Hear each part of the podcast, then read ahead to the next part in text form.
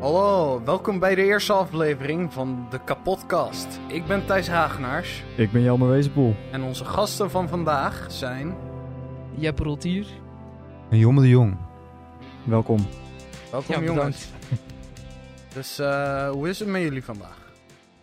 Vandaag gaat het wel goed, omdat we de kapotkast gaan opnemen. Vind ik het wel leuk. Het is weer een beetje wat anders, hè?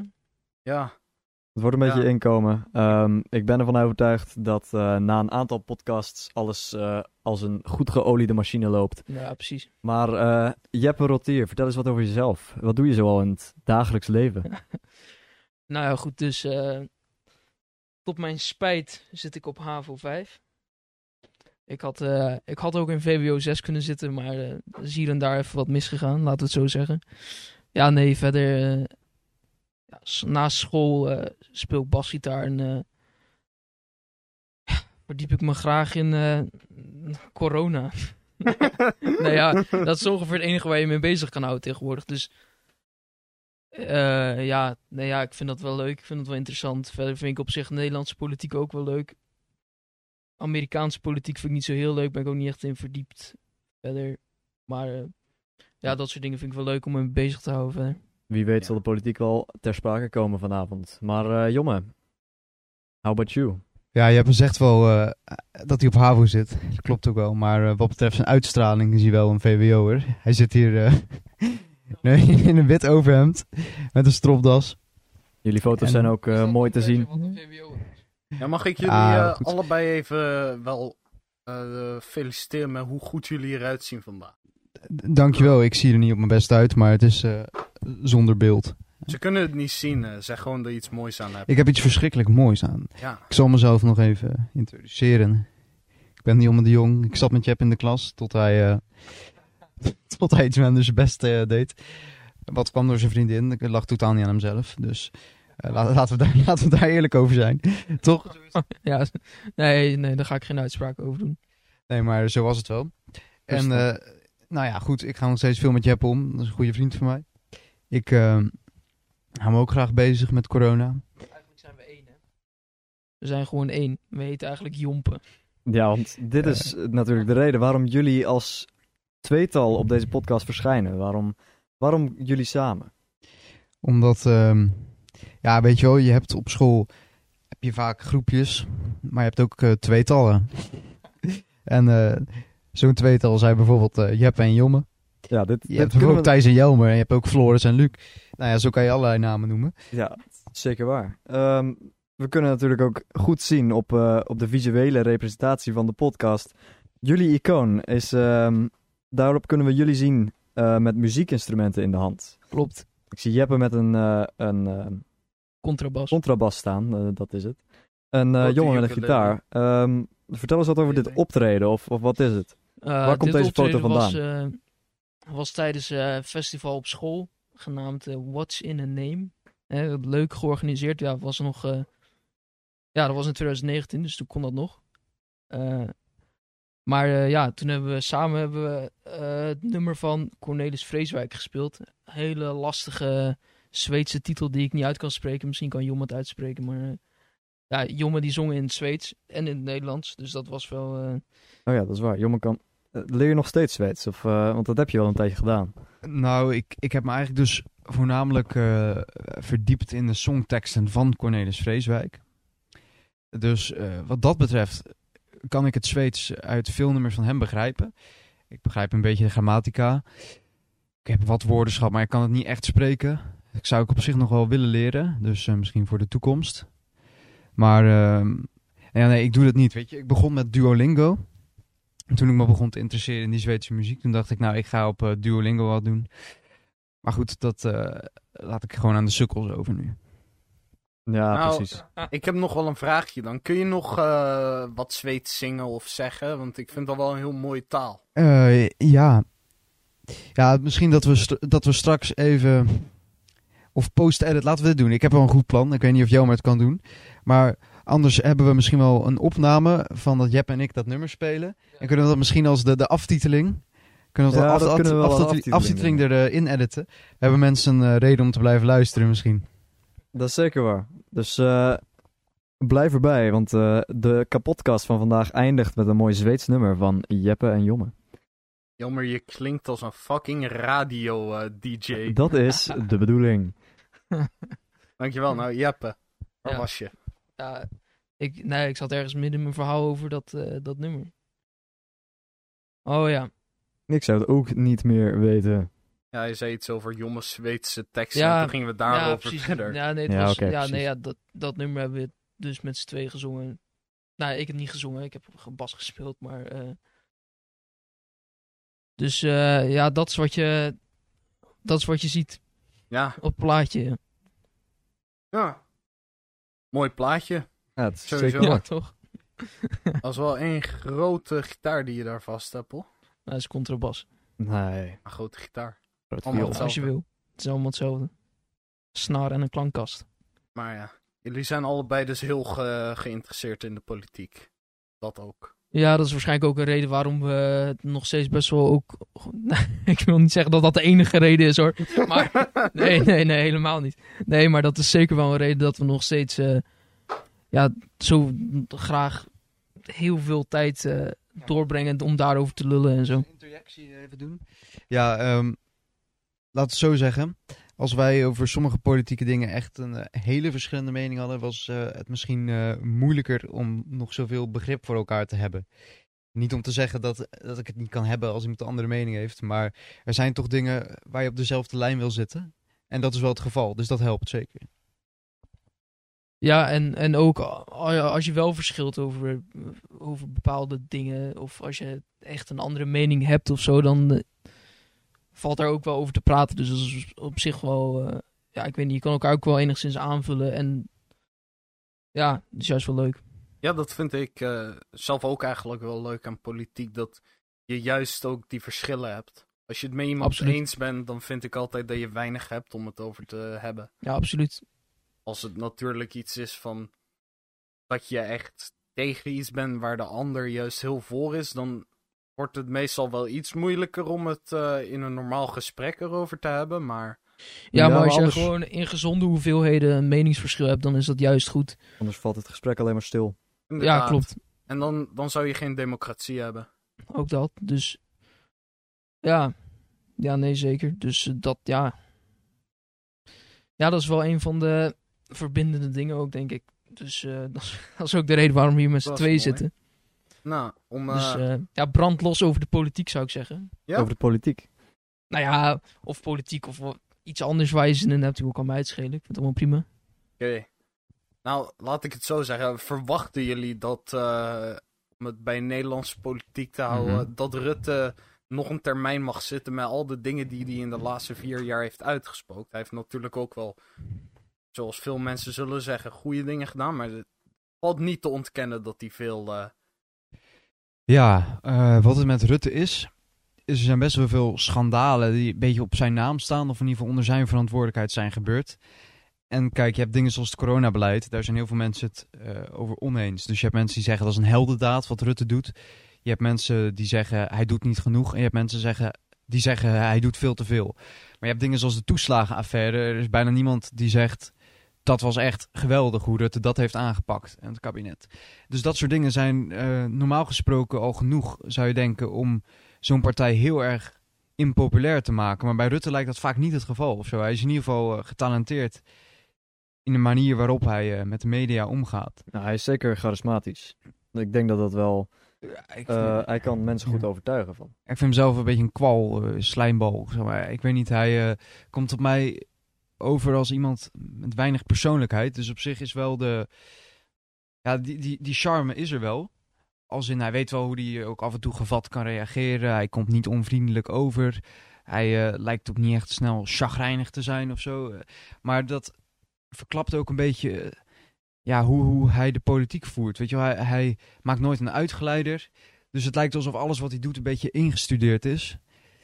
En dan, dan vraag je je ook af in hoeverre heeft hij echt een persoonlijke drijfveer. Of heeft hij bijvoorbeeld meer eh, carrière motivatie.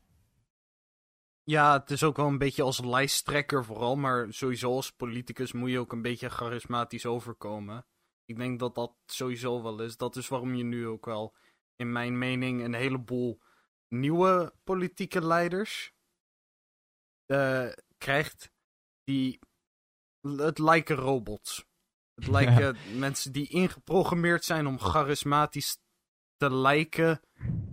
Maar dat het geprogrammeerd is door fucking aliens of zo. Ja, dat is eh, toch wel een probleem in de politiek, denk ik. Jij had natuurlijk Rob Jetten, die werd ook Robot Jetten genoemd.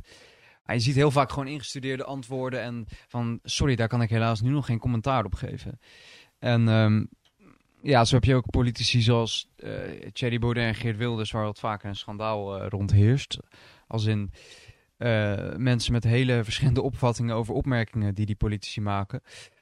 Maar in ieder geval, eh, ik heb nooit het idee dat bijvoorbeeld Geert Wilders of Thierry Baudet iets doet waar die niet achter staat. En kijk, Rutte die zei een, een tijd terug bijvoorbeeld over windmolens. Iets van eh, windmolens, daar moeten we absoluut niet aan beginnen. Dat is. ehm windmolens draaien niet op wind, windmolens draaien op subsidie, zei hij. Op zich klinkt dat catchy. Maar vervolgens is hij nu wel bezig met windmolens en zo. Dus hij past zich constant aan. En zo iemand als Thierry Baudet of Geert Wilders. Ik heb wel het idee dat zij niet iets zeggen puur voor het imago. Maar dat zij juist heel vaak imago-schade lijden. Omdat ze gewoon zeggen wat ze denken. En daar kan je ook wel goed een meningsverschil over hebben. Maar in ieder geval denk ik wel dat ze oprecht zijn. Daar ben ik het wel mee eens. Want je hebt mensen die zeggen van, oh, die doen dat gewoon om in de, in de spotlight te komen. Maar het gezegd is van, eh, slechte, een slechte aandacht is ook aandacht. Maar dat is maar tot op een bepaald punt. Zeker Ja. als je in de politiek zit. Nou ja, uiteindelijk kan je natuurlijk meer en meer en meer aandacht krijgen. Maar voor politicus is het belangrijk een soort balans te vinden. Dat je ook misschien negatieve aandacht op je dak krijgt. Maar dat dat uiteindelijk resulteert in een soort positieve feedback van, van stemmers krijgen. En kijk, wat voor het ene negatief is, is voor het ander positief. Dus als ehm, Geert Wilders had bijvoorbeeld die uitspraak de hele tijd terug van willen, willen jullie meer of minder Marokkanen? En heel veel mensen hebben dat als aanstootgevend opgevat. En daardoor werd het heel erg in het nieuws verspreid. Maar misschien zijn ook daar heel, daardoor juist mensen die nog helemaal niet zo met politiek bezig waren, erachter gekomen dat Wilders echt graag eh, minder Marokkanen hier naartoe wil halen met immigratie en zo. En die denken misschien, oh nou, die Wilders klinkt wel goed. Dus op die manier eh, ja, werkt dat wel. Kan toch wel aandacht genereren. Ja. Dat snap ik wel. Ik ben het ook niet per se met ze eens, maar ik vind wel dat ze durven te zeggen waarvoor ze staan. En zelfs als dat ze slechte, een slechte aandacht geeft. En dat vind ik toch wel iets waar je als stemmer daarvoor trots op mag zijn. Nee, ik respecteer dat ook wel, maar ik snap wel dat ehm, bepaalde, dat niet alle politici zomaar eh, gelijk iets kunnen zeggen over elk onderwerp. Ze, je moet voorzichtig zijn met wat je zegt, zeker in de politiek. Want als je maar één ding zegt waar je misschien niet al te goed over hebt nagedacht, dat kan je jaren later nog steeds achterna zitten. En daar, daar wordt nog naar verwezen in debatten in de, in de Tweede Kamer Ja. en dat soort dingen. Dus ik denk wel dat eh, goed nadenken over wat je zegt is wel vaak. Was dat ook Belangrijk. weer wat, wat eh, Klaver laatst had gezegd? Ja, 10.000 voor alle 18-jarigen. Nee, dat was nog iets anders. Hij had Heel iets- recent, of niet? Ja, Want heel recent zei hij ja, dat hij zijn zusje op de IC had. eh, zus- nee, zijn zusje, die IC-medewerkster is, die had hij dan gebeld of zo. En toen bleek het dat uh, Jesse Klaver enigskind is. Eh, ja, misschien heeft hij een halfzus of zo. Maar ik bedoel, ja. Ik, dat is ook wel interessant trouwens bij de debatclub training. Hè, want ehm, als echte elitaire VWO'ers op het Goeks Lyceum eh, zitten wij natuurlijk in een eh, debatclub.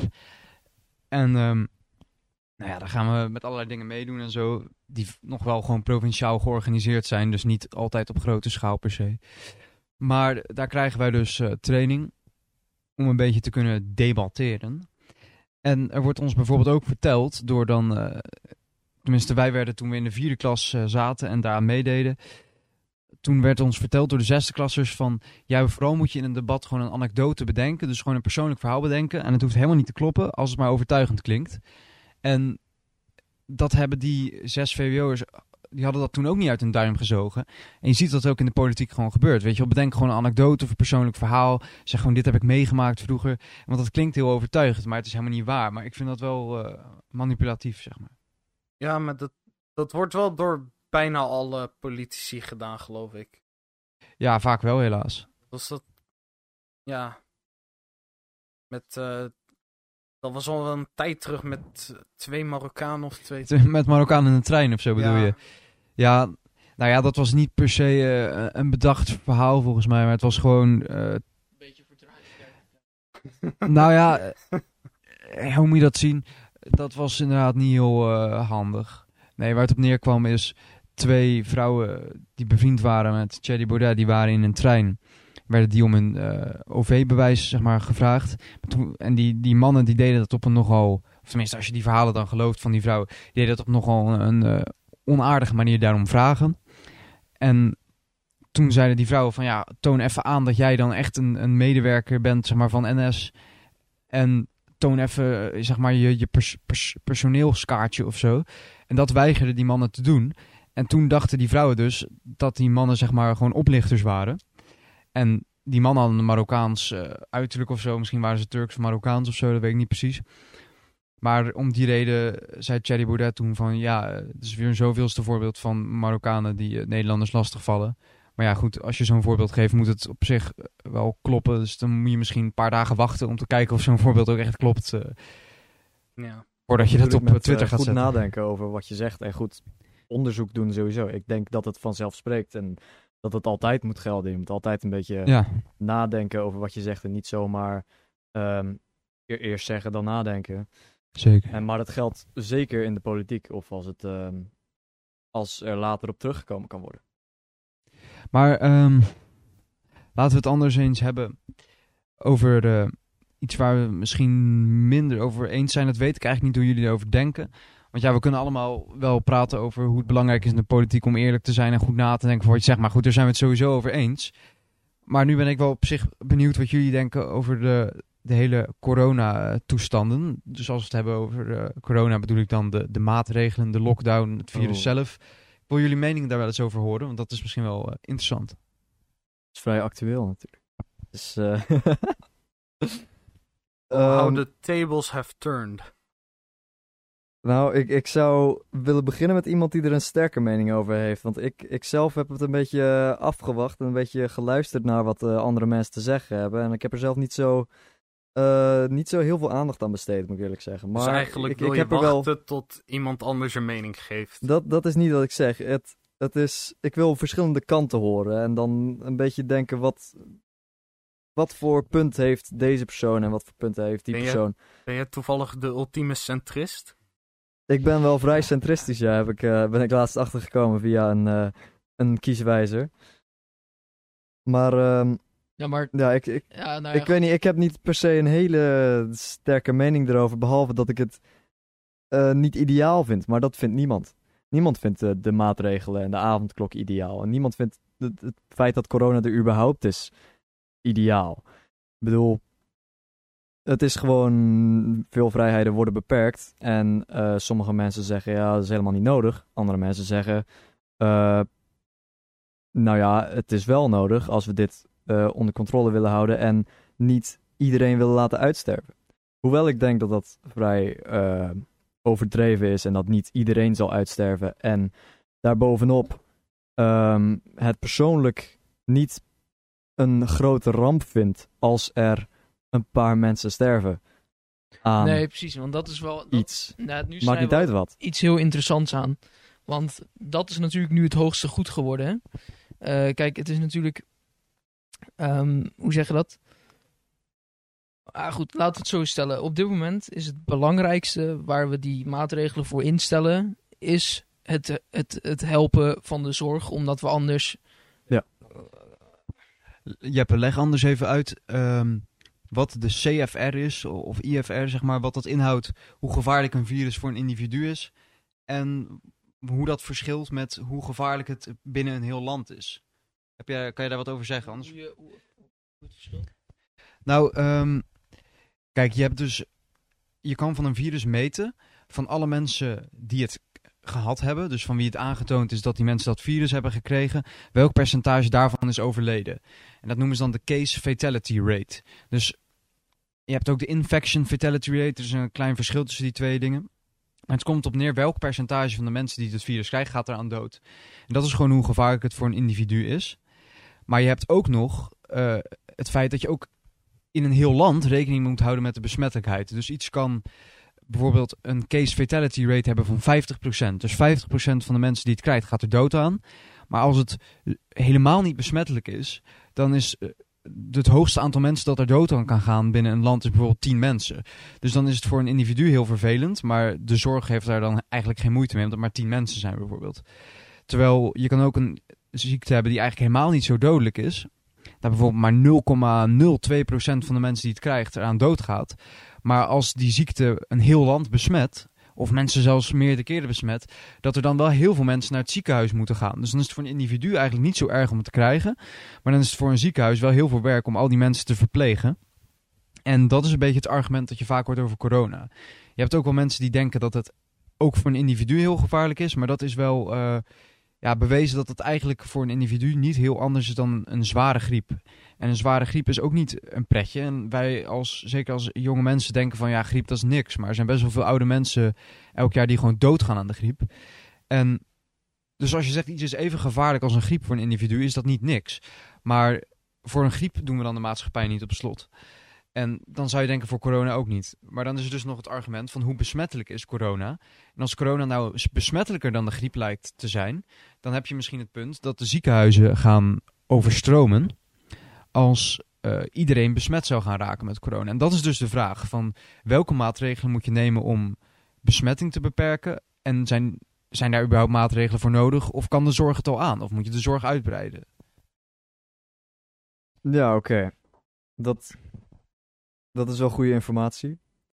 Um, dus ja. Maar het, het is zo dat corona vaak het, um, het dodelijkst of het gevaarlijkst lijkt te zijn voor wat we natuurlijk de, de risicogroep noemen en vooral ouderen uh, en mensen met onderliggende problemen.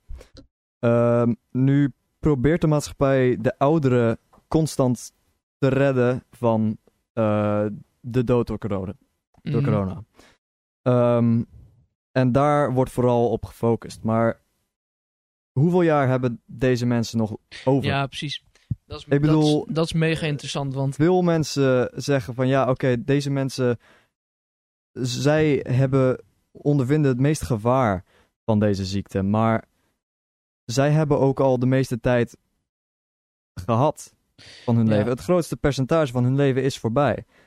Ja, precies. Nou ja, Hoe, ehm, hoe belangrijk is het dan echt om die paar jaartjes, om, om zoveel moeite te steken in een aantal jaartjes van hun leven te redden? Terwijl die mensen zelf soms ook gewoon zeggen: Ik heb liever geen maatregelen. En dat ik wel gewoon mijn gang kan gaan en met mijn kleinkinderen om kan gaan. Exact. Ja, dat, ge- dat, maar dat, dat hoor je heel veel. Kijk, eh, eh, het, is een, het is echt een beetje een. ehm, het, het is een beetje raar. Het is een soort. Dat is een ontzettend moderne insteek natuurlijk om te zeggen van ja, we moeten proberen iedereen zo ver mogelijk en zo lang mogelijk te, eh, te rekken qua leven, zeg maar. En ehm, kijk, op zich, kan, ik kan me best wel vinden in, in, in dat idee. Ehm, als in, natuurlijk, het is hartstikke kloten als, je, als jouw opa en oma doodgaan of zo, weet je. Dat is niet leuk. Natuurlijk. Daar zit niemand op te wachten, ook al ongeacht hoe oud die lui zijn. Ik bedoel, stel jouw opa, jouw opa of oma is eh 95. Dat is best oud voor een eh, oma of opa, denk ik. Maar goed, anyways. Stel die is 95, dan is het nog steeds hartstikke vervelend dat die persoon doodgaat. Maar het punt is gewoon, ten koste van wat ga je dat beschermen, snap je? Ik heb wel eens nagedacht. Stel dat die lockdown ervoor zorgt dat er dit jaar, eh, en ik denk dat dat is een heel erg ehm, eh, milde schatting, maar stel dat er dit jaar tien, tien mensen, tien mensen, tien jongeren extra eh, zelfmoord hebben gepleegd ten opzichte van andere jaren. Dan moet je dus bedenken, eh, stel dat zijn mensen van onze leeftijd, gemiddeld 20, laten we het zo zeggen. Mhm. Stel, er zijn 10 mensen, zeg maar 10 mensen van 20 jaar, die allemaal nog ongeveer 60, 65 jaar te leven hebben. Dan heb je dus eigenlijk, eh, omdat ze zichzelf van het leven hebben beroofd, mis je uiteindelijk eh, van 10 mensen 60 jaar. Eigenlijk 60 levensjaren Juist. per persoon. Dus dat is 600 levensjaren uiteindelijk. Maar je moet je bedenken hoeveel ouderen je daar wel niet tegenover moet zetten, snap je? Want op het moment, stel je hebt, stel jij wil, eh, weet ik veel, voor iedere ouder, ouder mens spaar je zes jaar. Laten we dat zeggen. Ja, dan ehm, moet je dus 100 mensen, eh, red je dan 100 mensen tegenover eh, eh, tien, tien jongeren. En dan denk ik wel, ja, wat, wat is die afweging dan? Hè? Want dan, dat levensjaren dat moet je wel tegen elkaar afwegen. En ik denk dat er uiteindelijk meer jaren verloren gaan hieraan, zeg maar, dan dat we er kunnen redden. Ja, en dat is zeg maar een beetje die, die, die, die enorme nevenschade die we krijgen door deze eh, eh, maatregelen ook wel. Hoe nobel die maatregelen ook klinken. zeg maar met, met één iemand die doodgaat, heb je al zoveel, zeg maar één iemand die doodgaat door zelfmoord, heb je al zoveel levensjaren verspild. En dan moet je zoveel meer mensen gaan redden. Dus het is zo'n eh, zo'n, ja, ik, ik weet niet, het, is een soort van, ehm, maar ook het feit dat, dat bijvoorbeeld überhaupt mentale gezondheid wordt helemaal niet meegenomen in, in iets van de maatregelen. Ja, Want eh, ik bedoelde, ik, ik heb een aantal eh, keer een pleidooi gezien van een paar mensen die zeiden dat er eigenlijk ook psychologen en eh, psychiaters in het OMT moeten komen. Om ervoor te zorgen dat het ook op gebied van mentale gezondheid die maatregelen proportioneel blijven, zeg maar. En oh, wat was het antwoord nou? Ah, het antwoord van Rutte. Ja, Rutte was daar volgens mij. En die zei iets van... ehm, ja, maar ehm, wij als politiek zijn daarvoor, daarvoor verantwoordelijk. Want die mensen die van het OMT, die adviseren ons. Maar dat betekent nog niet dat het per se alles wat zij ons adviseren... dat we dat ook daadwerkelijk gaan doen of niet doen. Ehm, dus ze, ze- zij maken die afweging. Alleen op Precies. het moment dat het dus duidelijk wordt dat je zoveel mist in je afweging, dan denk ik dat je jezelf toch eens achter je oren moet gaan krabben of het ook daadwerkelijk of het echt onnodig is om die, om die psychologen niet in het OMT te zetten. Want nou ja, je zou zeggen, de politiek heeft die experts om er naar te luisteren. De, Ja. ze, zij zelf zijn niet per se expert op een bepaald gebied. Daar Nee. hebben ze deze mensen voor. En als zij iets adviseren, dan zou je verwachten dat ze dat zullen opvolgen. Het is ook vaak dat zij dan de afweging maken tussen het medische en het culturele, en economische. ja, et exact, exact. Zij zijn, een soort, zij zijn een soort van middelpunt. Maar eh, zij als, als middelpunt functioneren ze niet echt goed, eh, om eerlijk te zijn. Eh, Ik moet wel zeggen, om eh, even. Het is wel beter sinds de eerste lockdown. De eerste lockdown mocht je niet naar de therapeut, eh, niet naar therapie.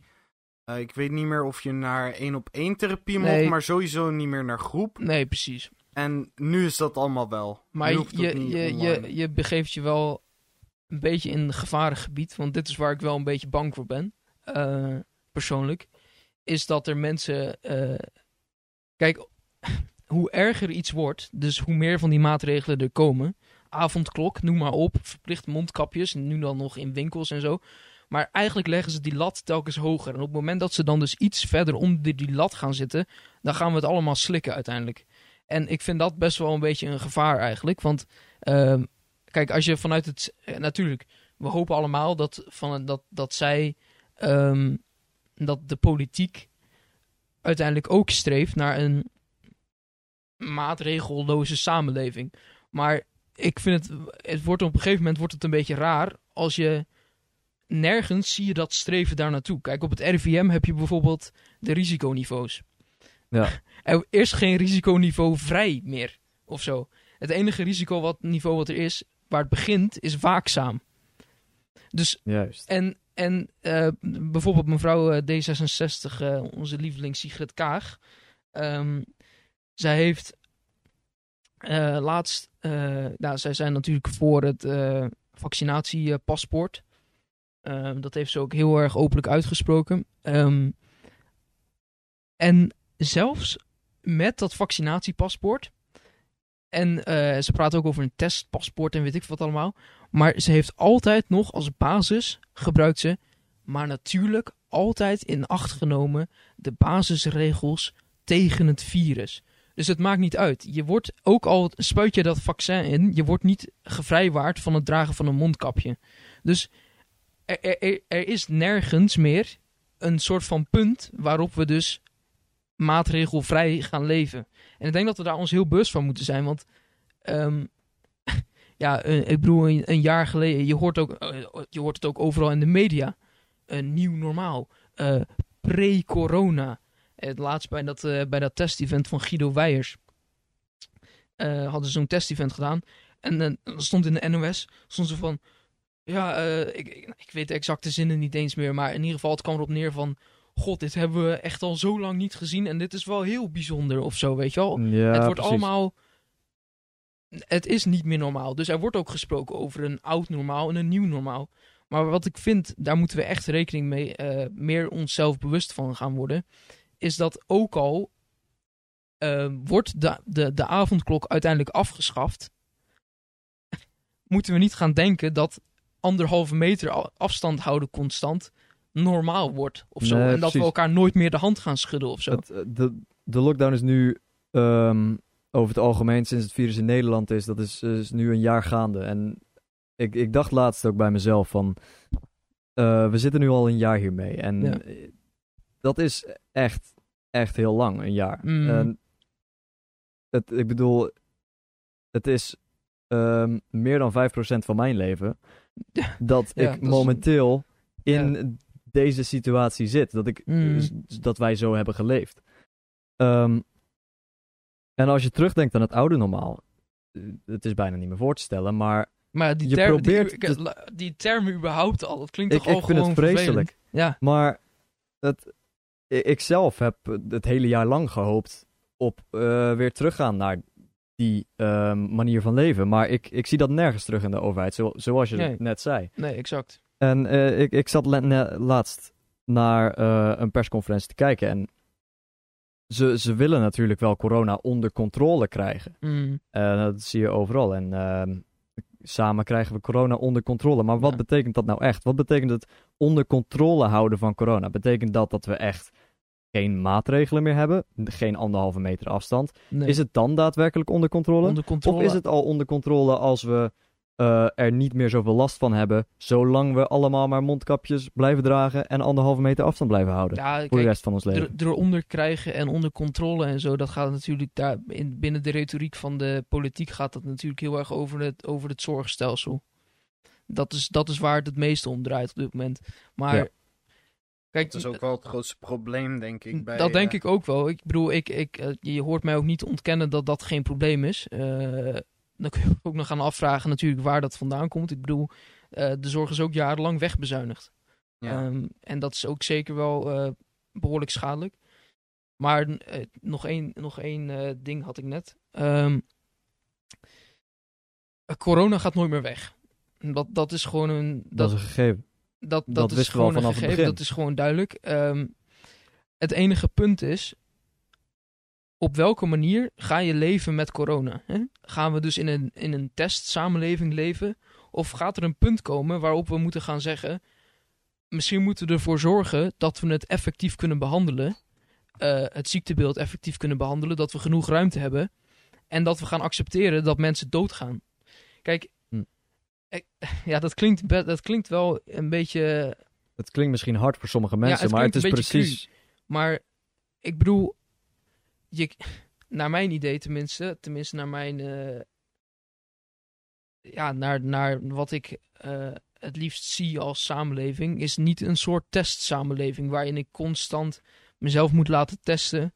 Ik bedoel, ik zag net nog een nieuwsbericht dat de politiek wil dat er zelf testen beschikbaar komen bij de drogist en in de supermarkt. Ik denk, ja, dat is toch niet echt normaal of zo. Dat is een beetje bizar eigenlijk. Of wordt het nieuwe normaal dat je voor een kilo cocaïne ook in plaats daarvan gewoon een, eh een gefakte test, eh, zelftest kan kopen? Ja, ja precies. Op de, op, de, op de zwarte markt. Ja. Ja, nee, ja, ik, ik weet het niet. En ehm,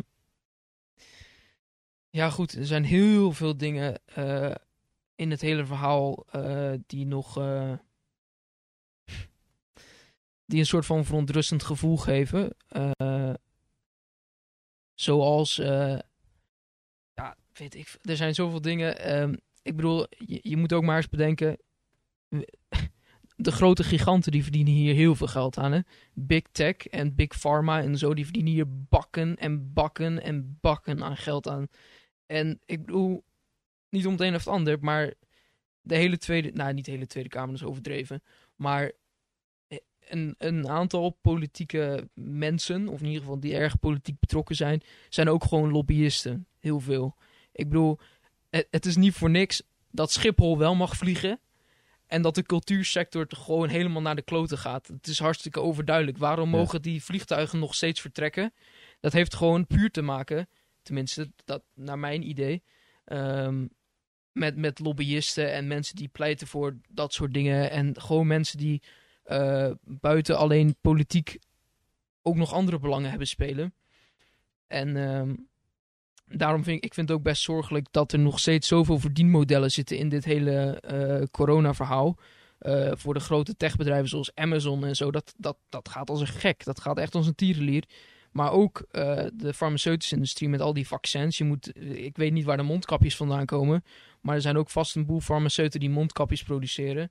Of, de eh, mondkapjesproducenten verdienen bakken. Ja, precies. Bakken en eh, wat dacht je van al die tests en zo? Dat komt ook allemaal vanuit die pharma. En uiteindelijk, ik bedoel, eh, het, het, is, het klinkt ziekelijk. Maar mensen die depressief raken door de lockdown, daar verdient de farmaceutische industrie ook aan, want die krijgen antidepressiva. Snap je? Je moet ook bedenken dat dat een industrie is die verdient aan menselijk leed. En ik, ik denk dat dat echt nog mensen die denken daar niet genoeg over na. Dat er, dat er, en nou, daar gaan sommen geld in om, dat wil je echt niet weten. Dat, dat gaat echt gewoon, eh, dat gaat gewoon aan, aan hele jaarinkomens van landen voorbij, zeg maar. Dat is echt bizar. Ja, jongen.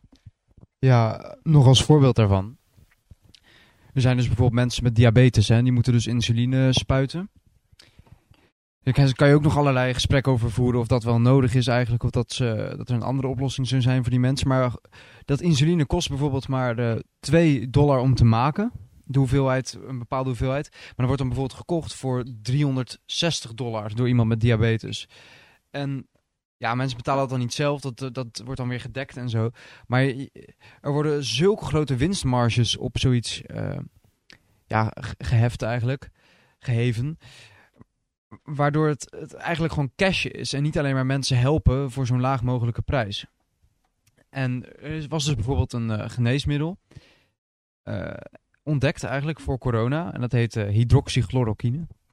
En Rob Elens, dat is een arts in Nederland, een huisarts, die, die diende dat dus toe aan mensen die corona positief testen bij hem.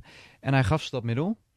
En ehm, Mag ik even toevoegen? ja, volgens mij wel toe. Klein, kleine toevoeging, eh hydroxychloroquine. Het klinkt een beetje mega experimenteel als je hoort dat een een of andere huisarts dat zomaar heeft eh, toegediend aan iemand. Maar eigenlijk valt het wel mee, want het is namelijk een ontzettend gerenommeerd middel wat al tientallen jaren wordt gebruikt eh, als anti-malaria middel. Eh, en eh, het is dus niet alsof dat een soort van, want dat is wel wat we hebben gezien, dat het een soort van eh, kwakzalverij inhoudt. Maar het is gewoon een, een prima middel wat gewoon veilig gebruikt kan worden, mits je niet eh, andere medicijnen gebruikt. Want er zijn wel bepaalde medicijnen waar je bijvoorbeeld hartfalen en zo kan krijgen als je dat mixt. Ehm, maar als je dat allemaal in acht neemt, is dat ook gewoon heel veilig. Dus ja, ja goed. Het is dus niet dat een of andere... het is niet alsof je zeg maar zoals... alsof het eh, gemaakt is in een of andere meth lab nee, in en eh, het is ook niet alsof Noord-Brabant. je, weet ik veel, eh chloor injecteert of zo. Het valt allemaal heel erg mee. Het is heel veilig. Shotje chloor doen, chloor doen, hè. Maar goed, die Rob Elens die diende dat dus toe aan zijn eh, patiënten die positief testen. Of die al lichte klachten begonnen te hebben. En normaal werkt het zo, je hebt een tijdje lichte klachten van corona. En dan na een week of zo, dan, eh, dan, wordt het ineens wat minder. En daarna wordt het ineens een stuk erger, begin benauwd te worden. Dat is als je het zeg maar echt slecht hebt getroffen. En dan kan het zo zijn dat je naar het ziekenhuis moet. Maar hij diende die middelen dus, of dat hydroxychloroquine, hij diende dat dus op tijd toe. En die mensen die, gen- ja, die geneesden eigenlijk allemaal.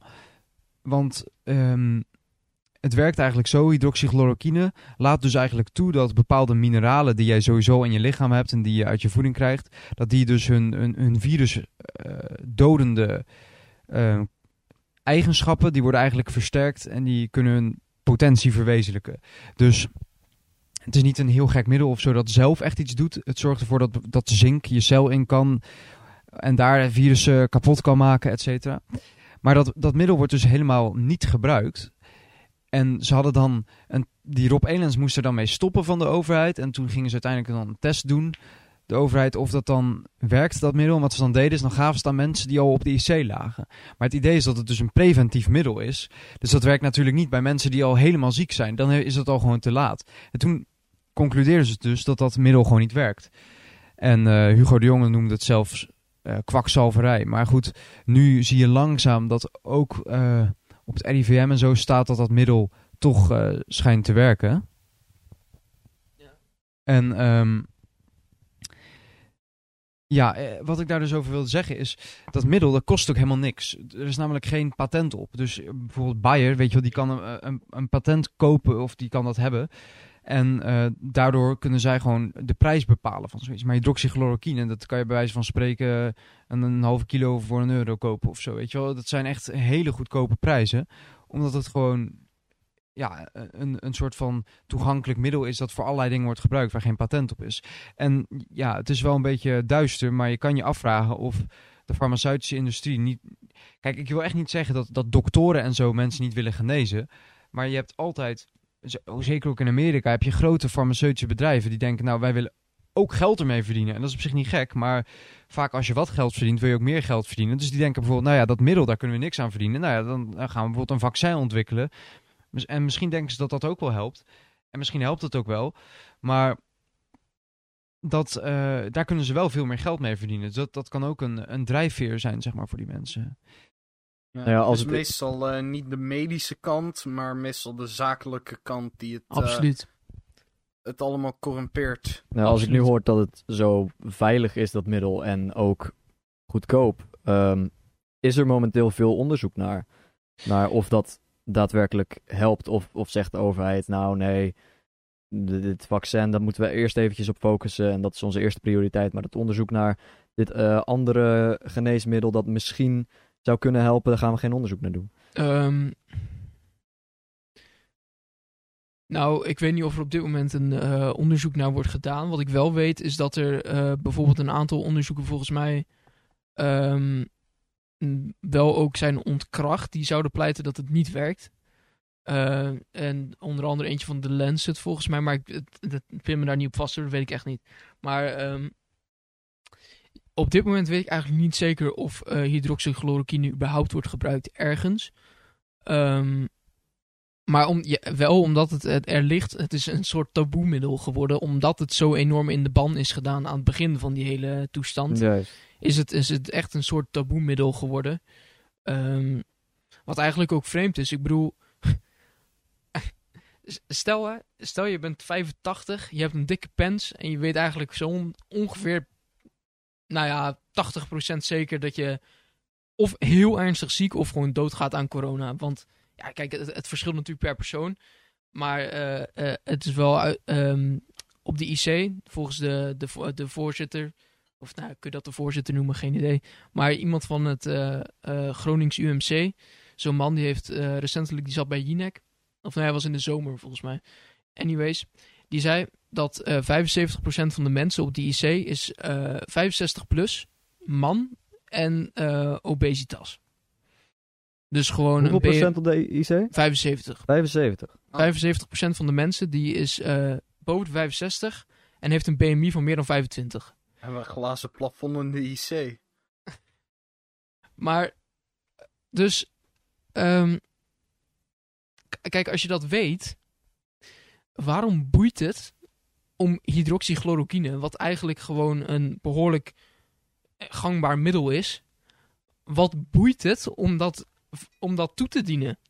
Ik, snap, ik kan daar echt niet bij. Ik, ik, ik snap niet waarom zou je, waarom zou je niet 100% je best doen en het gewoon uitproberen om er maar op, ja, om ervoor te zorgen dat je niet op de IC belandt of doodgaat. Ik bedoel, wat, wat is de reden daarachter dat dat dan niet zou mogen of zo? Ik, ik, ik snap dat niet. Ja, precies. Ik, ik heb er zelf, uh... zelf niet echt iets over gehoord. Ik heb geen onderzoek. Wat ik nu van jullie hoor is uh, het eerste dat ik uh, hiervan verneem. Maar ik vind het ook wel een, vaag verhaal over... uh, Het is ook een heel vaag verhaal. Kijk, um, in Amerika zijn ook echt honderden artsen geweest die zichzelf uitgesproken hebben. En ze doen dit in geen enkel land. Het is niet alleen Nederland dat dit probleem heeft of zo. Er zijn ook geen andere landen die die dit erkennen als mogelijk geneesmiddel en er iets mee doen? Of weet je dat niet? Nou, in Amerika had je volgens mij een, eh, of Canada had je een artsencollectief dat ook daar eh, veel over aan het spreken was en zo. Daar kun je ook echt wel wat eh, over vinden. Hydroxychloroquine heet het middel. HCQ is de afkorting. Maar ehm, ja, nog wat over dat vaccinatiebewijs. Er wordt sowieso natuurlijk heel vaak gezegd... Ja, die vaccinatie dat doe je niet alleen voor jezelf, dat doe je ook voor anderen, weet je wel. Want dan eh, maak je de kans kleiner op eh, het besmetten van anderen. Nu is alleen nog de vraag of de vaccins die nu ontwikkeld zijn ook daadwerkelijk besmettingskans verminderen of alleen de symptomen lichter maken voor degene die het genomen heeft. Maar stel je gaat ervan uit dat zo'n vaccin eh, de overdracht van het virus moeilijker maakt. Het is nog steeds wel bijzonder, want als het om de zorg gaat, Hè, eh, dan zou je moeten zeggen, we doen dat vaccin, dat nemen we allemaal om ervoor te zorgen dat de zorg niet overbelast wordt. Maar wordt echt gezegd van, dat doe je om geen anderen te besmetten. Want we willen niet dat anderen ziek worden, want het is zo vreselijk om die ziekte te krijgen. Maar ja, met, met griep hebben we dat gevoel nog helemaal nooit gehad in Nederland. Van iedereen moet een vaccin nemen om ervoor te zorgen dat niemand het meer krijgt. Dus ik, ja, ik zou het wel waarderen als er wat eerlijker wordt ja, uh, gezegd dat het dan vooral voor de zorg is daar kun je nog steeds van zeggen, ja, misschien moeten we HCQ toepassen in plaats van een vaccin. Maar het is een beetje onzin dat het zo'n gevaarlijk virus is dat we moeten voorkomen dat iemand het maar ook krijgt. Ik denk ook dat er weinig mensen zijn die niet zullen erkennen dat het probleem van de zorg een groot probleem is. Tuurlijk. Het, natuurlijk, het, als de zorg zo overspoeld wordt, dat is niet niks. En dan zijn er misschien inderdaad maatregelen nodig. Maar wat je zegt, daar kan eerlijk over ge, uh, gepraat worden. Maar je hebt natuurlijk ook wel het griepvaccin, wat iedereen op een nou ja, leeftijd moet nemen. Dat moet niet hoor. Het is niet nee, verplicht. Je kan, je kan het weigeren. Maar, maar het, het, idee is natuurlijk daarvan dat je dat neemt als je bang bent om zelf uh, ziek te worden of dood te gaan daaraan. En ja, het idee is ook niet dat dat per se ervoor zorgt dat mensen geen griep meer krijgen, maar gewoon symptomen verlichten. En dat is ook het idee van het vaccin. En goed, wat je voor maatregelen moet nemen om de zorg te, uh, ontlasten. Ja, dat kan je op allerlei manieren doen. Uh, daar heb ik ook mijn eigen mening over, die misschien anders zijn dan Mark Rutte of zo zou opperen. Maar goed, nog dus over dat vaccinatiebewijs. Er zijn dus mensen die dan misschien daarin mee kunnen gaan en zeggen: Ja, ik, ik snap het wel dat je, je, moet aantonen dat je niet ziek bent. Ik vind het al een beetje ziekelijk dat dat moet. Want je, je gaat toch niet iedereen eh, zeg maar dwingen om te moeten bewijzen dat hij niet ziek is als hij ergens naar, naar binnen wil. Ik weet niet, ja, dat kan je volgens mij niet op de lange termijn doen. Op de korte termijn naar mijn mening ook al niet. Maar eh, moet je dus voorstellen dat zo'n vaccinatiebewijs komt en ook bijvoorbeeld op het vliegveld en zo dat je dat overal moet aantonen. En dat mensen inderdaad dan uh, vervalste vaccinatiebewijzen gaan uh, doorverkopen en opkopen. En stel de overheid en de overheden over de hele wereld komen erachter dat er dan ook zeg maar vervalste vaccinatiebewijzen in omloop zijn. Misschien gaan ze dan wel zeggen. Nou, dan moeten we iedereen een verplichte bloedtest gaan doen. Weet je wel, bij, we gaan nu sneltest doen uh, op, op iedereen's bloed van iemand die zeg maar naar binnen wil ergens. He, dus je moet niet, dat, dat vaccinatiebewijs niet genoeg meer. We willen even een, een, een bloedsample en dan kunnen we dat analyseren in drie minuten. En eh, stel je gaat daarin mee. En dan blijkt dat dat ook niet perfect is. En dan gaan ze uiteindelijk zeggen: ja, je moet even met je lichaam onder de bodyscanner gaan liggen. Kijk, zo kan je dus in, alles meegaan. En uiteindelijk moet je ook wel je grenzen stellen. En zeggen: ja, oké, ook al werkt iets niet 100%, dan kan je niet alles hiermee voorkomen. Je wilt bepaalde stappen gewoon niet nemen, omdat je dan ja, nooit meer vrijheid hebt. Ja, dat is dus een beetje. Uh, dat is dus een beetje het hele punt. Kijk, um, dat is eigenlijk het punt met zo ongeveer alles bij die hele coronatoestand is gewoon dat je met heel veel van die maatregelen verklein je stappen naar extremere dingen. Dus op het moment dat je een vaccinatiepaspoort invoert, kijk, um, kijk, de VN nu, die, die is daar ook mee bezig en die is met van alles bezig. En de, kijk, die, die mensen die zijn allemaal als een gek bezig om dat soort dingen te realiseren en te doen en weet ik wat allemaal. Uh, volgens mij is er nog niet doorheen. Maar in ieder geval, logistiek is dat echt een enorme uitdaging. Zo'n uh, vaccin dingen uitrollen en alles dat overal laten werken. En misschien ook, um, ja, ik weet niet, als dat digitaal gaat werken, moet je ook nog een heel digitaal platform en zo gaan doen. En wat ik me dan, eh, heel eerlijk, denk je dat ze dat doen om één jaar nog maximaal ervoor te zorgen dat mensen veilig kunnen reizen. Denk je dat? Denken jullie dat? Nee, lijkt me sterk. Ik, ik, moet, eh, ik moet het eens zijn met Thijs hier zo. Dat is inderdaad... Lijkt me nogal wat. eh, lijkt me zeer sterk. lijkt me vrij veel moeite voor iets wat nog één jaar voor, voor, eh, voor gaat komen. Ja, precies. Dus. Eh, eh, En, en, en het, het is ook, hè. Ik bedoel, er zijn, hele, er zijn een aantal van die supra, supranationale eh, ehm, eh, stichtingen en organisaties, zoals het World, World Economic Forum. Waar dat zijn plekken, daar komen allerlei wereldleiders naartoe. En die gaan daar een beetje praten over dingen en weet ik wat allemaal. Het zijn basically gewoon allemaal mensen die heel erg vermogend zijn. Of nou ja, een, een, een invloed hebben op de, op de wereld. Ehm, en daar wordt ook over dat soort, naar mijn idee, best radicale ideeën gepraat.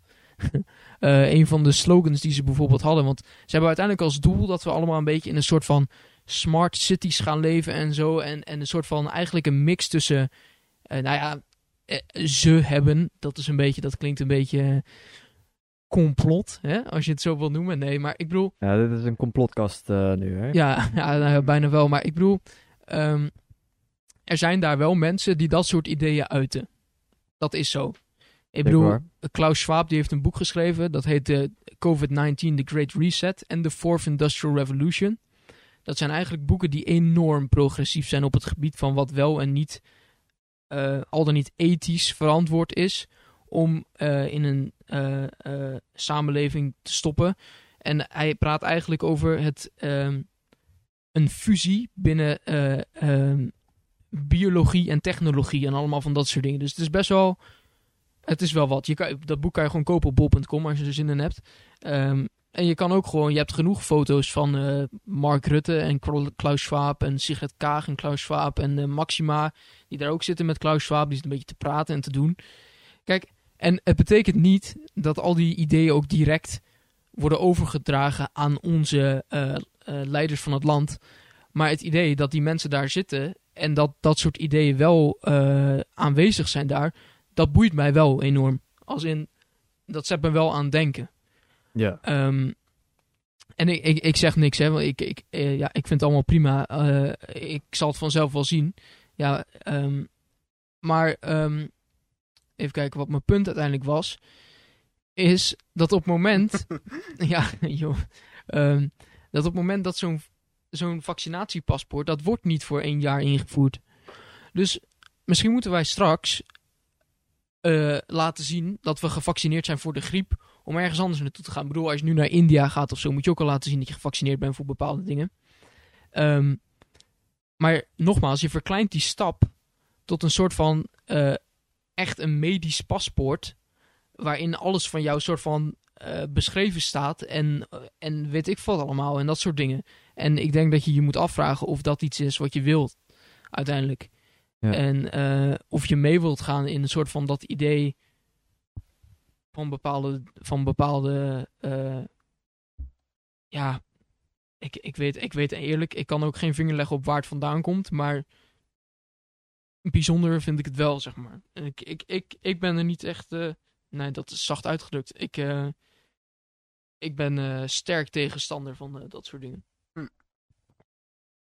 Jongen, jij hebt ook iets te zeggen. Ja, en ehm, ja, dat over de World Economic Forum.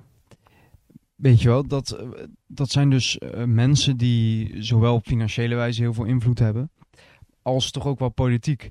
Want ik hoorde een keer ehm, iemand die daar ook veel mening over heeft, over praten. En die had wel eens gehoord dat mensen dan zeggen, ja, maar de World Economic Forum, hoeveel macht heeft dat echt? Want dat is helemaal geen regering. Maar het is wel zo dat al die regeringsleiders, die gaan wel naar die World Economic Forum. En je kan ze ook zien, dan staan ze daar op de foto en dan gaan ze over allerlei dingen praten. En die praten dan niet alleen over hun kapsel en eh, hun eh, lievelingskleur en wat voor schoenen ze graag dragen en wat ze lekker eten vinden. Die praten toch over hele andere dingen. En er zijn ook financiële belangen voor die politici om, om dat soort dingen te gaan doen. En ze kunnen bijvoorbeeld eh, garantie krijgen op een baantje na hun politieke carrière en dat soort dingen. Dus zo'n organisatie heeft echt wel invloed. En bijvoorbeeld één ding dat in een YouTube-filmpje van de World Economic Forum voorkwam, was dat over tien jaar of zo ehm, you'll own nothing and you'll be happy. Dus je zal niks hebben, maar je zal er helemaal tevreden van zijn.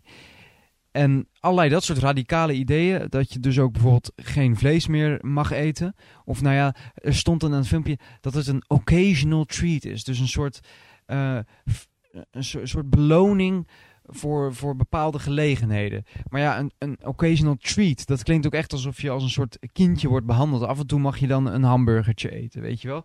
Dus die mensen hebben ook een soort minachting naar het volk. En het gaat dan ook wel over het bereiken van dingen zoals gelijkheid en, en een goed klimaat en dat soort dingen. En heel veel mensen vinden dat helemaal prima klinken.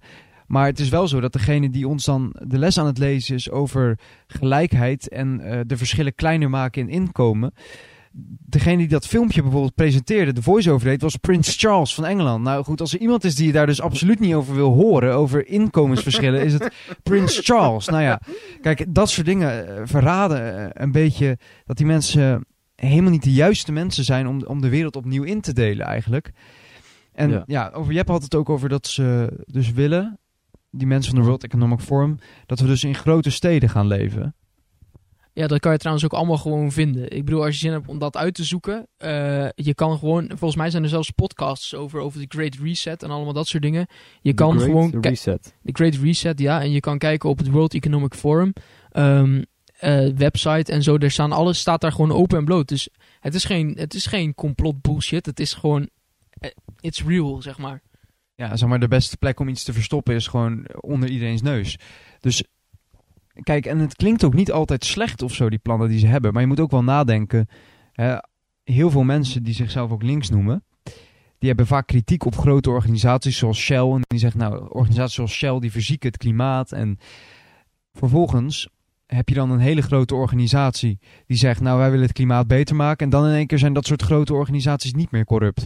Kijk, ik snap dat uh, sommige mensen graag willen dat, dat er iets verandert aan het klimaat en zo. Of dat, dat we de klimaatverandering stilzetten. Maar ga dan zelf iets doen en zet zelf wat op. In plaats van mee te gaan dat soort organisaties met Prince Charles en zo. Die nog steeds met hun privéjet overal heen vliegen om dan over het klimaat te gaan vertellen. Maar goed, je hebt het dus over grote steden. En dit is bijvoorbeeld de website Tri-State City.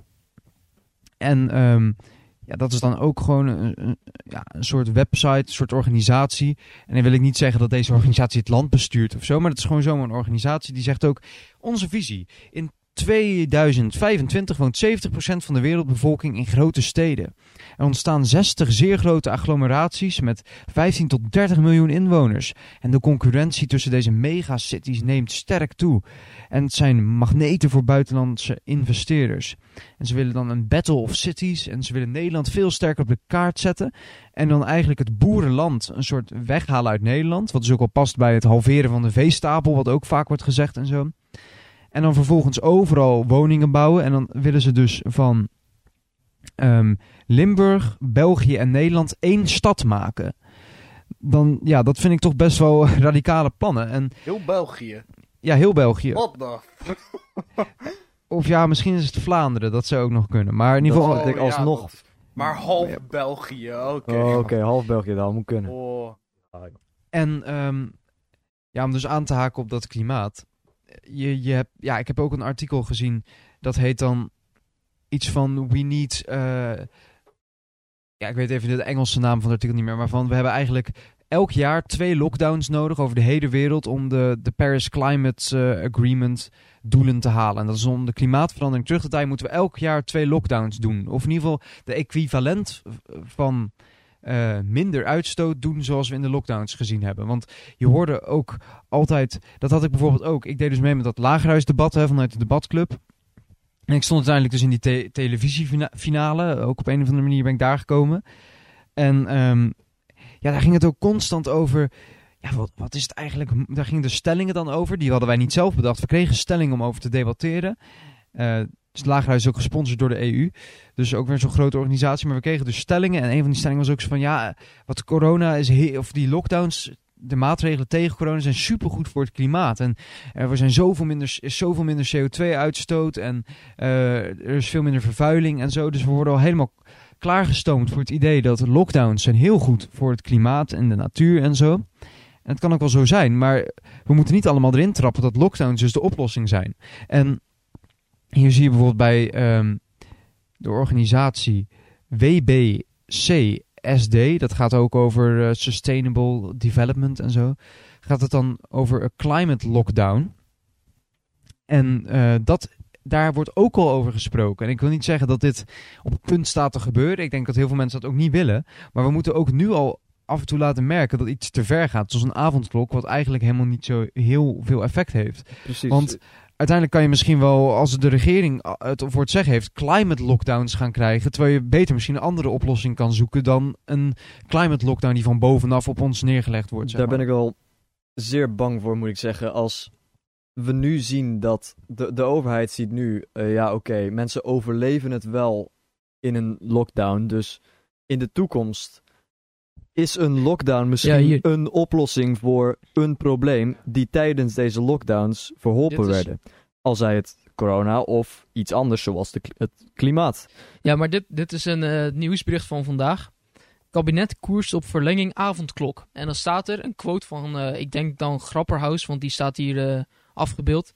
Mensen groeien mee met maatregel.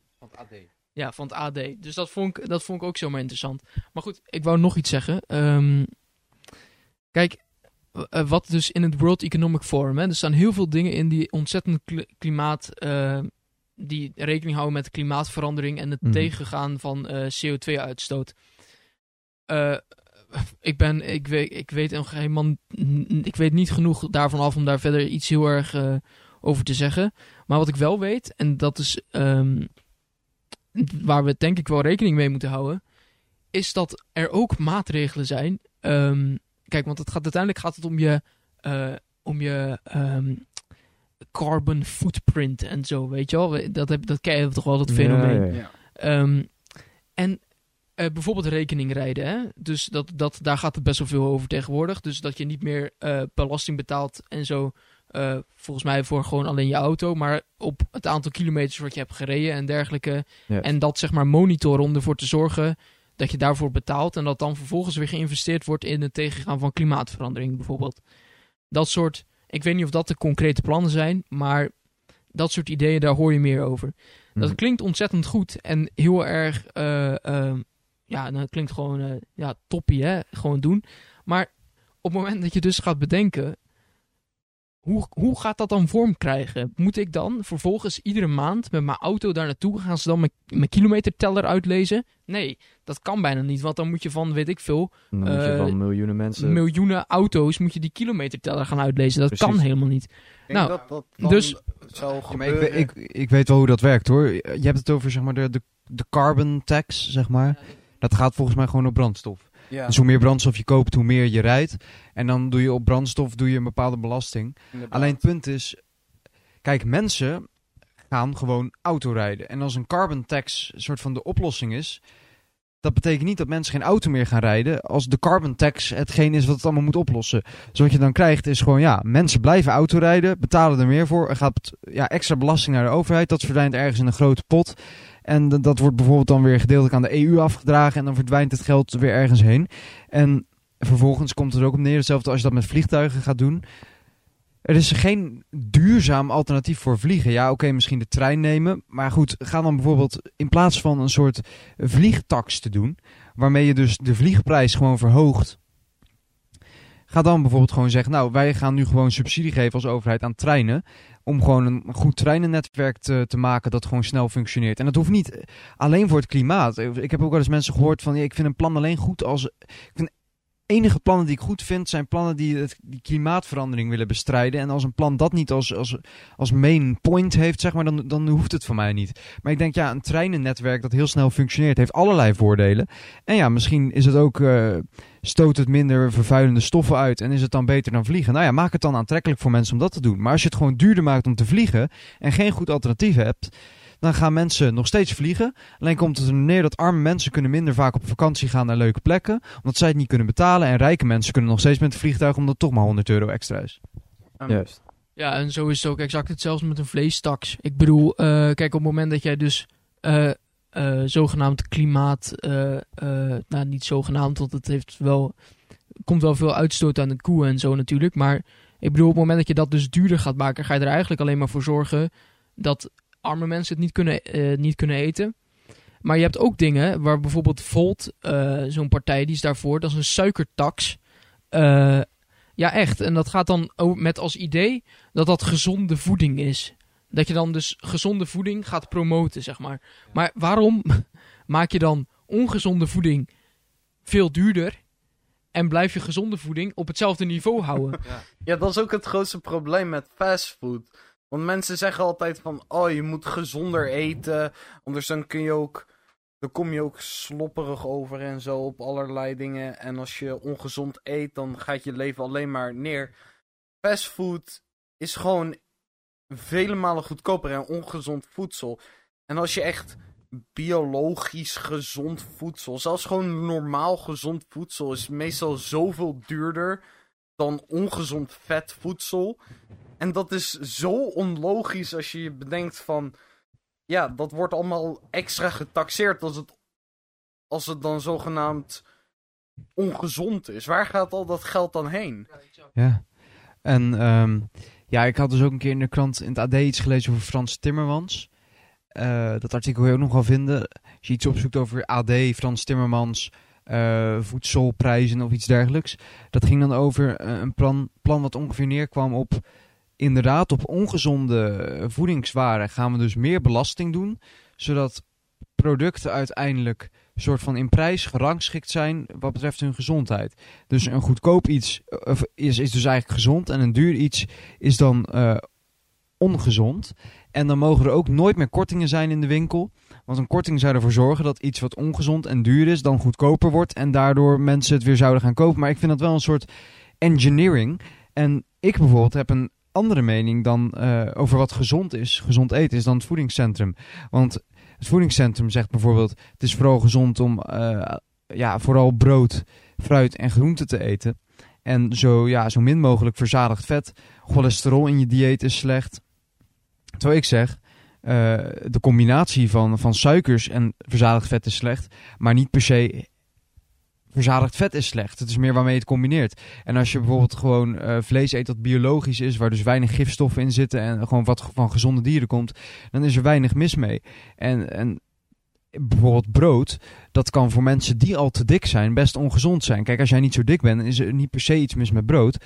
Maar er zijn theorieën, en dat blijft altijd een theorie, dat wanneer je al dik bent, dat brood aan een bepaald uh, mechanisme in je lichaam uh, bijdraagt. Waardoor je broodje alleen maar dikker maakt. Terwijl iets waar eigenlijk alleen maar vet in zit en eiwitten, eiwitten, dat dat je eigenlijk niet meer dik maakt. Maar goed, dat zijn ook theorieën. En dat is het idee van de wetenschapper. Dus constant discussie over wat is nou uh, waar, wat is niet waar. En, en dat verandert ook constant. Maar je kan naar mijn idee dus niet een soort systeem opbouwen dat je de prijzen in de supermarkt ergens op gaat baseren. Terwijl allerlei mensen compleet verschillende meningen hebben over wat gezond is of niet. Dus wat dat betreft is de vrije markt wel goed. Want ja, je hebt gewoon een prijs van hoeveel kost iets om te maken. Uh, mensen die dat maken willen er wat geld aan verdienen. En vervolgens komt het in de winkel te liggen. En ja, je moet zelf de, de verantwoordelijkheid nemen om iets te kopen wat gezond is. En daar moet je mensen ook gewoon informatie over geven ja, in plaats van dat allemaal al voor mensen te gaan voorkouwen of zo. Want dat is eigenlijk wat er met heel veel gebeurt, ook met corona en zo. Ook al is het niet gezond of niet ongezond voor jou, het coronavirus, ook al word je dus niet echt ziek van. Ja, er wordt al voor jou bedacht hoe je het moet gaan ontwijken en wat je allemaal moet gaan doen. Uh, terwijl het eigenlijk beter is als mensen wat meer zelf zouden gaan nadenken. Ik vind dat je hier ook wel het deel ethiek erbij krijgt, gezien bijvoorbeeld Nestlé een heleboel uh, op een heleboel andere ernstige methoden hun geld verdient en daarom hun prijzen laag kan houden. Bijvoorbeeld water weghouden van bepaalde dorpen in Afrika en dat terugverkopen aan. Nou ja, dat is precies het punt. En wat ook dus zo is, is soms is bepaald vlees, hè, is dus heel goedkoop, omdat um, ja, omdat het dus eigenlijk onder hele slechte omstandigheden voor dat dier wordt gemaakt. En ja, je, je kan gewoon gaan zeggen, nou, dat is prima, maak het maar op die manier. Maar we doen er achteraf, plakken we er een vleestaks op en dan gaat iedereen er gewoon meer voor betalen en dan neemt de overheid een deel af. En wat gebeurt daarmee? Ja, dat, niet, dat, niet dat de overheid al hun geld verspilt, maar dat gaat ook naar allerlei ambtenaren. Kijk, je hebt bijvoorbeeld als je een uitkering krijgt, heb je wel eens dat er bijvoorbeeld geld op je bankrekening wordt gestort. En dan vervolgens wordt het een halve maand later wordt het er weer afgehaald. Of een gedeelte bijvoorbeeld eraf gehaald. Stel eh, je kreeg eh 1000 euro, maar er moet 500 af. Dan zijn er dus ambtenaren die dus werken aan het gedeelte van die 1000 euro storten. En er zijn ambtenaren die werken aan het, die 500 euro weer weghalen. Om het even heel simpel te zeggen. Kan er niet gewoon 500 euro gestort worden? Kijk, en je hebt dus allerlei ambtenaren die dus allemaal geld krijgen. En natuurlijk, die mensen moeten ook een baan hebben. Maar daar gaat ook overheidsgeld naartoe en belasting en zo. Terwijl dat soort dingen soms nutteloos zijn. Terwijl wat je ook kan zeggen over dat vlees is... Stel gewoon verplicht dat een, een dier op een, ja, in ieder geval een bepaalde manier wordt behandeld of beter. En stel gewoon een soort van onderste grens van hoe slecht dat dier mag leven. En daar, ja, daardoor wordt het misschien wat duurder om dat vlees te maken. En dan wordt het op die manier duurder en op die manier ook gezonder voor de mens. En eh, misschien beter voor het klimaat. Mensen kunnen het wat minder vaak kopen. Maar dat lijkt me beter dan dat je gewoon zegt: ja, blijf het maar gewoon op die slechte manier produceren. Wij plakken er wel een tax op. Ja. Nou, precies. Nou, Ik ja, ben het er wel eens met jou, jouw techniek. Ja, maar ja, dat is dus het hele punt, hè. Als je uiteindelijk eh, wel... Kijk, zo'n vleestaks, als je, dat, als je dat wil realiseren als partij... dan denk ik dat het heel belangrijk is dat je wel ervoor zorgt... dat iedereen... dat je de voorwaarden ook hebt gesteld van wat er dan vervolgens met die tax gebeurt of zo. Weet je, die extra belasting, belasting die erop zit. Ehm, ja, of gewoon eh, ervoor zorgen... En dat, dat is eigenlijk een van de dingen waar, waar Joma en ik denk ik sowieso allebei wel eh, veel belang in zien. Is het gewoon ervoor zorgen dat het op een verantwoordelijke manier allemaal geproduceerd gaat worden. Dus dat het gewoon verantwoord is. Dat die beesten, eh, weet ik veel, niet met, met, met z'n drie koeien op een meter staan. Dat kan niet eens, maar ik bedoel bij wijze van spreken. Ehm, dat is wat je aan moet pakken. En dat is wat, waar uiteindelijk als je, als je zeg maar het probleem aanpakt... Dan gaat de prijs waarschijnlijk ook omhoog, omdat die productie daarvan, die is duurder. Maar waarom zou je de prijs omhoog doen en de productie niet aanpakken? Dat is toch een soort van... Ja. Eén kort dingetje en dan wil Thijs volgens mij het zeggen. Maar eh, wat er dan bijvoorbeeld gebeurt is, ze plakken dan eh, een, tax op. En met dat belastingsgeld dat ze dan ophalen van belasting die betaald is door de consument over slecht vlees dat ze gekocht hebben, gaan ze bijvoorbeeld subsidies uitdelen aan bedrijven die dan beter vlees willen maken. En dat is nog in het beste geval, want soms geven ze helemaal geen subsidies aan dat soort mensen. Maar ja, waarom zou je nou een soort van tax weghalen over slecht vlees en dat dan weer op een andere manier in subsidies leiden, dat is een veel te lange weg. Je kan ook gewoon zeggen, dit is een principiële eis die we willen stellen en daar heb je maar aan te voldoen. En dan zal daarvan zelf al een, een resultaat eh, van komen, zeg maar, in de markt. Ik wilde nog even snel inspringen en zeggen... drie koeien op een meter, dat kan best wel als je ze in genoeg stukjes hakt. ja, op een bord kan het. Ja, ik vind dit een, eh, een eh, mooi moment om op eh, af te sluiten. Ja. We zijn al eh, aardig lang bezig. Ik vond het een zeer interessante podcast. In, inderdaad. Ik, eh, ik wil jullie graag bedanken voor het komen en voor jullie zeer eh, interessante en leuke gesprekken. Ja, nou ja, ik wil nog even met een klapper eruit en gewoon even zeggen dat, denk, dat ik denk dat mensen toch iets meer zichzelf moeten gaan verdiepen in eh, eh, ja, geopolitiek en allemaal van dat soort rare World Economic Forum toestanden. Want het is wel echt heel boeiend. Ik bedoel, eh, het is interessant om te gaan kijken waar de geldstroom eigenlijk ligt. Want Ja. ja, ja, follow the money. Ik bedoel, je moet kijken naar de mensen die tegen jou gaan vertellen wat goed is en wat niet goed is en wat we allemaal moeten doen. Ik bedoel, kijk naar Ab Osterhaus die bij op één zit de hele tijd. Die man die casht gewoon op eh, vaccins. En Ja. waarom zou je die man dan vertrouwen om vervolgens te gaan zeggen dat een vaccin de beste uitweg is? Weet je wel, dat soort dingen. Daar moet je achter gaan komen en dat moet je gaan uitzoeken. Je moet niet klakkeloos zomaar gaan, gaan, gaan, gaan denken van nou, eh, het, het zal wel, ze hebben het beste met ons voor, want het valt echt vies tegen. Ik denk dat het echt, dat je echt, dat we echt veel meer onszelf bezig moeten gaan houden met eh, eh, waar het geld zit en waar de alle belangenverstrengelingen zitten. Want dat is zeker, zeker weten wel een ding, denk ik. Dus eh, ja. Ja, en nog even dan als afsluiter inderdaad. Van, er werd aan Rutte een keer gevraagd bij een persconferentie van... waarom is er nou een uitzondering ehm, voor, voor, zeg maar de avondklok voor eh, nou talkshows? Zei hij, ja, zodat Diederik Gommers daar lekker aan tafel kan gaan zitten. Nou ja, en zo is het. Die mensen krijgen een uitzondering om allerlei verhalen te gaan vertellen en lekker in een talkshow te zitten, terwijl wij allemaal opgesloten zitten. Ja, dus eh, als je nog een keer dat, dat verhaal van App Osterhaus, kan je gewoon opzoeken. Zoek maar op op YouTube, App Osterhaus. En dan typ je het ene woord typ je erachter, whisky. En dan kom je er vanzelf achter. Dat is een video van die man. Die zit daar aan een tafel met een paar mensen. Dat is in een soort documentaire of zo. En dat gaat dan over de Mexicaanse griep. En eh, daarin gaan ze eh, vieren dat het eerste Mexicaanse griepgeval in Nederland is. En vervolgens krijgt hij, loopt hij de gang in, krijgt hij een appje, of nou, een appje kan nog niet destijds, maar een sms'je of zo. En dan staat in dat de overheid 34 miljoen vaccins heeft besteld. En dan doet hij even juichen. Dan doet hij juichen, hè? Ja. Ja, echt. En, en ehm, hij zei, dan heeft hij, hij heeft echt hij heeft gezegd dat hij niet niks heeft verdiend eraan. Eh, want hij had iets, dat heette Viro Clinics. Ehm, en hij zei dat, hij, dat dat een soort non-profit idee was, alleen maar onderzoek. Uiteindelijk heeft eh, Follow the Money, dat is een journalistiek eh, bedrijf, of iets, ik weet niet precies. Maar in ieder geval, die hebben iets eh, gepubliceerd dat hij uiteindelijk in 2018 heeft hij zijn Viro Clinic aandeel verkocht voor 5,6 miljoen euro. Dus uiteindelijk heeft die man gewoon gecashed aan de vaccins. die, nou ja, of dat direct alleen die vaccins waren, dat is de vraag. Maar dat hij vierde dat er 34 miljoen vaccins werden besteld door de overheid. Daar zou ik je toch eens even je vragen, vraagtekens bij stellen. En ook even kijken eh, of je dan eigenlijk nog wel naar die man wil kijken op, op één. Nou, we willen jullie bedanken voor eh, deze uitnodiging. En we wensen jullie heel veel succes met de volgende podcasts. En eh, misschien komen we nog wel een keertje terug in de Dat lijkt me toekomst. zeer leuk. Heel Bedankt. graag, heel graag. Als jullie eh Naar het vervolg. Zeker. Wel maar een keer. Chicken and corn, yeah. De maan schijnt als glas.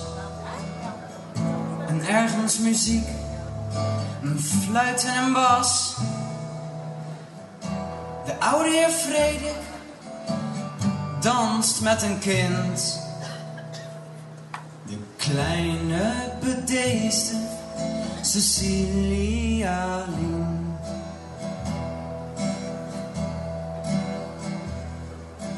Dansar och blundar så nära en till Hon följer i dansen precis vart han vill.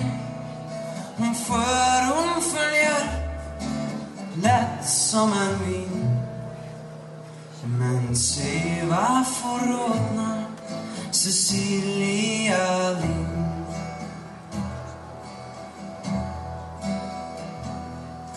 Wat zegt de heer Frederik? 50 jaar oud. We zijn op een eiland. Het water is zout. Maar zoet is het land als een man je bemint. Daar moet je mee wachten, Cecilia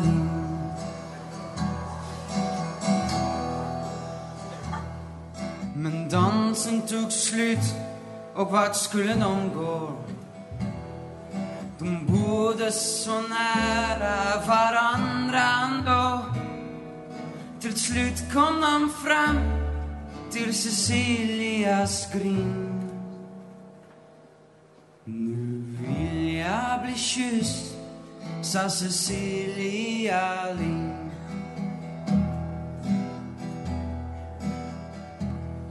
Vet ut, Fredrik Åkare, skäms gamla karln. Cecilia Lind är ju bara ett barn. Ren som en blom, sjuk som en hin. Jag fylldes när skjuten sa Cecilia Lind.